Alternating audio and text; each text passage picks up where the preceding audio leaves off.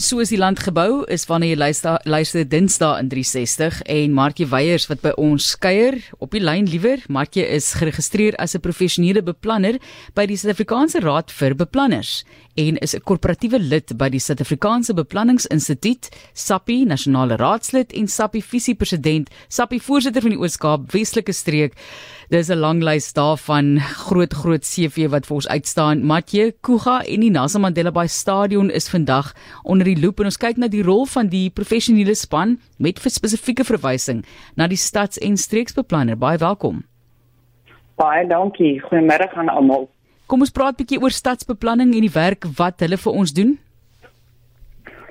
So kan begin weer te sê stadsbeplanners is een van die oudste ehm um, beroepe in die wêreld.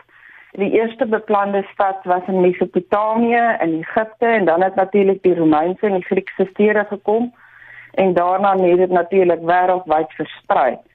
So stadsbeplanning het te doen met die beplanning van stede en dorpsgebiede en natuurlik sanerings van eiendomme vir ontwikkeling. En soos gesê, daar was 'n gesegde wat altyd sê music makes the world go round en ons wêreld praat ons van planning makes the world go round. So dit word dikwels gebruik in die omgewing, syne dat alles rondom ontwikkeling met beplanning ehm um, bedoel het. Hmm, maar ek moet vir jou sê in Suid-Afrika lyk like ons nie na Egipte of Mesopotamië of van daai ou Griekse stede nie. So waarop is ons boustyle en ons bou gefundeer? Kyk, die boustyle het is is 'n ander saak, maar dit het te doen met die beplanning van 'n stad.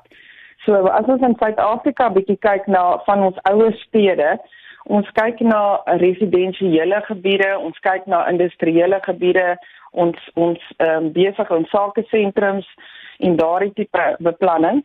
So waar sekere orde geskep word rondom grondgebruike ensovoorts. Jy het nou gepraat van beplanning. Ekskuus tog, ja? Matjie, jy wou eers klaar gemaak het?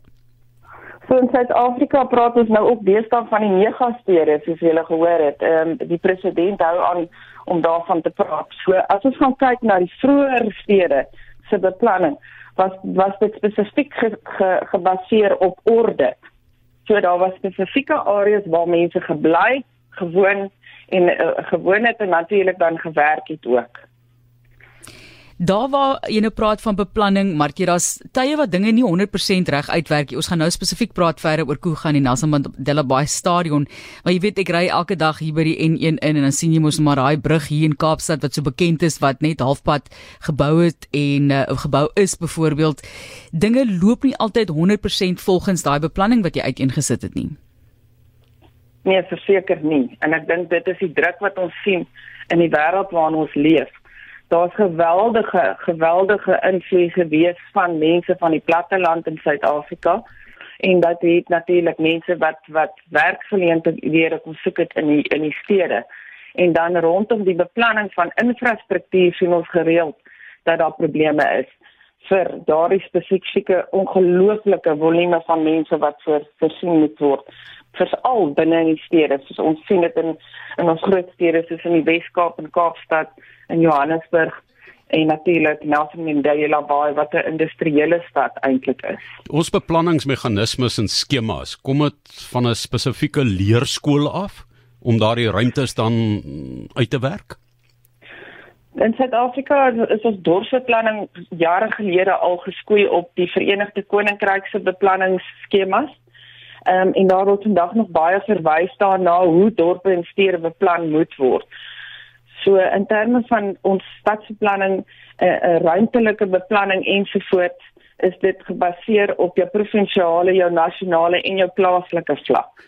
En daar word spesifiek gekyk na geïntegreerde ontwikkelingsplanne wat dan gekoppel word aan 'n stad of 'n dorp se begroting en dan die ruimtelike ontwikkelingsraamwerk van wat waar kan geskied en waar uitbreidingsareas ehm um, kan plaasvind en dan natuurlik jou plaaslike omgewing soos wat gebeur waar jy bly en watse dienste is benodig soos byvoorbeeld skole en kerke en klinieke ensovoorts. Die vaardighede waarvan jy nou praat klink vir my of dit baie onderskat word in Suid-Afrika. Verseker, daar is 'n ongelooflike groot tekort aan vaardighede in Suid-Afrika rondom hierdie planne. En dit kan ges, um, gestudeer word by 'n paar universiteite in ons land wat geakkrediteer uh, geakkrediteer is, is byvoorbeeld Noordwes Universiteit, Universiteit van Pretoria, Universiteit van Johannesburg waar dit 'n 4 jaar professionele graad behels. En ons sien dit heidaglik in ons munisipale wêreld en ons staatsdiens ensovoorts dat daar 'n geweldige tekort is aan beplanners wat daardie werk moet vervul. Soos ingenieurs moet jy ook geakkrediteer en geregistreer wees iewers. Dis korrek.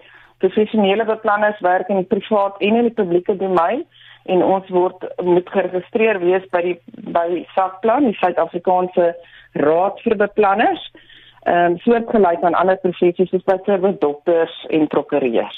Nou, kom ons kyk 'n bietjie daar na meer spesifieke bouwerk wat gedoen is in beplanning om dit uh, in die Ooskaap. Nou uh, die stadsbeplanners wat betrokke was by projekte soos die FIFA Wêreldbeker stadion in Dubai.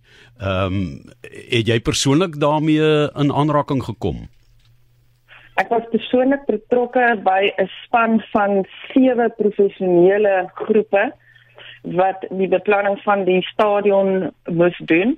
Ehm um, en soos ons almal weet, die Boeto Erasmus Stadion was 'n baie bekende stadion wat die stories nie voldoende was volgens daardie bepalinge van FIFA ten tye nie. So ons moes op daardie stadium as 'n span beplanners, ingenieurs, landmeters, argitekte, bourekenaars en nog vele meer vervoerbeplanners moes ons daai spanne moes saam sit en gaan kyk waar is die beste plek waar so 'n nuwe stadion gebou kan word wat die sanering van daai eiendom is wat die aanliggende grondgebruike gaan wees.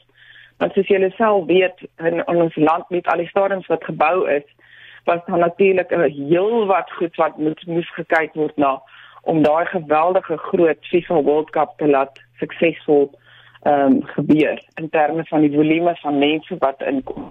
So jy het verskeie professionele spanne gehad, maar ook verskeie dissiplines wat moes saamwerk.